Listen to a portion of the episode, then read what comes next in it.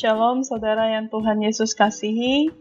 Kita bersyukur untuk hari yang baru yang Tuhan anugerahkan buat kita. Mari kita datang mencari hadiratnya dan kebenaran firman-Nya. Mari kita tundukkan kepala, kita berdoa.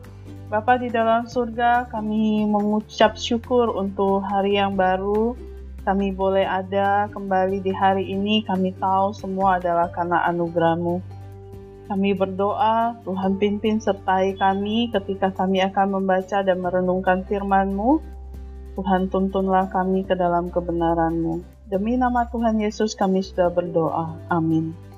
Pembacaan firman Tuhan hari ini dari kitab Daniel, pasal yang pertama ayatnya yang ke-6 hingga ayatnya yang ke-17. Demikian firman Tuhan. Di antara mereka itu ada juga beberapa orang Yehuda yakni Daniel, Hananya, Misael, dan Asaria. Pemimpin pegawai istana itu memberi nama lain kepada mereka. Daniel dinamainya Belsasar, Hanania dinamainya Sadrak, Misael dinamainya Mesak, dan Asaria dinamainya Abednego. Daniel berketetapan untuk tidak menajiskan dirinya dengan santapan raja dan dengan anggur yang biasa diminum raja. Dimintanyalah kepada pemimpin pegawai istana itu supaya ia tak usah menajiskan dirinya. Maka Allah mengaruniakan kepada Daniel kasih dan sayang dari pemimpin pegawai istana itu tetapi berkatalah pemimpin pegawai istana itu kepada Daniel, Aku takut, kalau-kalau tuanku raja yang telah menetapkan makanan dan minumanmu, berpendapat bahwa kamu kelihatan kurang sehat daripada orang-orang muda lain yang sebaya dengan kamu, sehingga oleh karena kamu, aku dianggap bersalah oleh raja. Kemudian berkatalah Daniel kepada penjenang yang telah diangkat oleh pemimpin pegawai istana untuk mengawasi Daniel, Hananya, Misael, dan Asaria. Adakanlah percobaan dengan hamba-hambamu ini selama sepuluh hari, dan biarlah kami diberikan sayur untuk dimakan dan air untuk diminum Sesudah itu bandingkanlah perawakan kami dengan perawakan orang-orang muda yang makan dari santapan raja. Kemudian perlakukanlah hamba-hambamu ini sesuai dengan pendapatmu. Didengarkannya lah permintaan mereka itu. Lalu diadakanlah percobaan dengan mereka selama sepuluh hari. Setelah lewat sepuluh hari, ternyata perawakan mereka lebih baik dan mereka kelihatan lebih gemuk daripada semua orang muda yang telah makan dari santapan raja. Kemudian penjenang itu selalu mengambil makanan mereka dan anggur yang harus mereka minum, lalu memberikan sayur kepada mereka. Kepada keempat orang muda itu, Allah memberikan pengetahuan dan kepandaian tentang berbagai-bagai tulisan dan hikmat. Sedang Daniel juga mempunyai pengertian tentang berbagai-bagai penglihatan dan mimpi. Saudara, tema renungan kita hari ini adalah memperoleh penghormatan.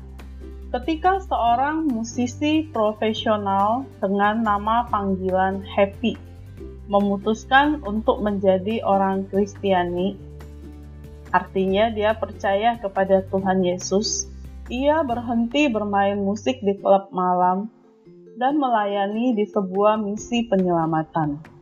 Beberapa waktu kemudian, ia ditelepon oleh seorang manajer klub yang ingin mengontraknya untuk melakukan pertunjukan yang akan mendatangkan banyak uang. Namun, Happy menolak tawaran tersebut dan berkata kepada sang manajer, bahwa ia akan bermain musik di pelayanan misi. Happy berkata, ia mengucapkan selamat kepada saya. Itu membuat saya terkejut. Ia hendak mengontrak saya untuk bernyanyi untuknya. Tetapi ia justru mengucapkan selamat karena saya telah menolak tawarannya. Manajer itu menghormati keputusan Happy. Daniel menjadi tawanan di negeri asing namun ia tidak melupakan prinsip keagamaannya.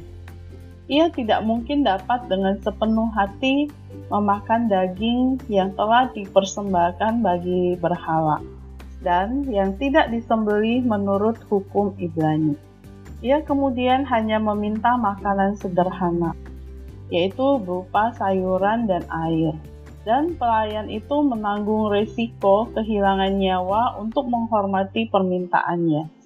Saya percaya pelayan itu melakukannya karena tingkah laku Daniel yang baik membuatnya menghormati Daniel.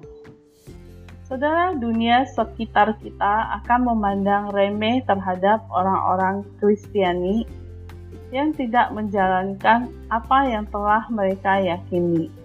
Oleh karena itu, kita harus senantiasa setia pada keyakinan kita Karakter yang konsistenlah yang membuat orang lain menghormati kita. Bagaimana sikap hidup kita selama ini? Adakah sikap hidup kita membuat orang lain menunjukkan hormat? Saudara, ingatlah, dengan hidup bagi Kristus, Anda mungkin kehilangan teman, tetapi bukan penghormatan mereka kepada Anda. Kiranya Tuhan menolong kita hari ini untuk hidup sesuai dengan kehendak Tuhan dan melaluinya Tuhan boleh dipermuliakan, Tuhan boleh menerima penghormatan. Mari kita berdoa. Bapa yang di dalam surga, kami bersyukur kepadamu ya Tuhan. Kami belajar dari Daniel dan teman-teman bagaimana mereka hidup tidak mau melakukan dosa di hadapan Tuhan, walaupun dalam hal makan minum.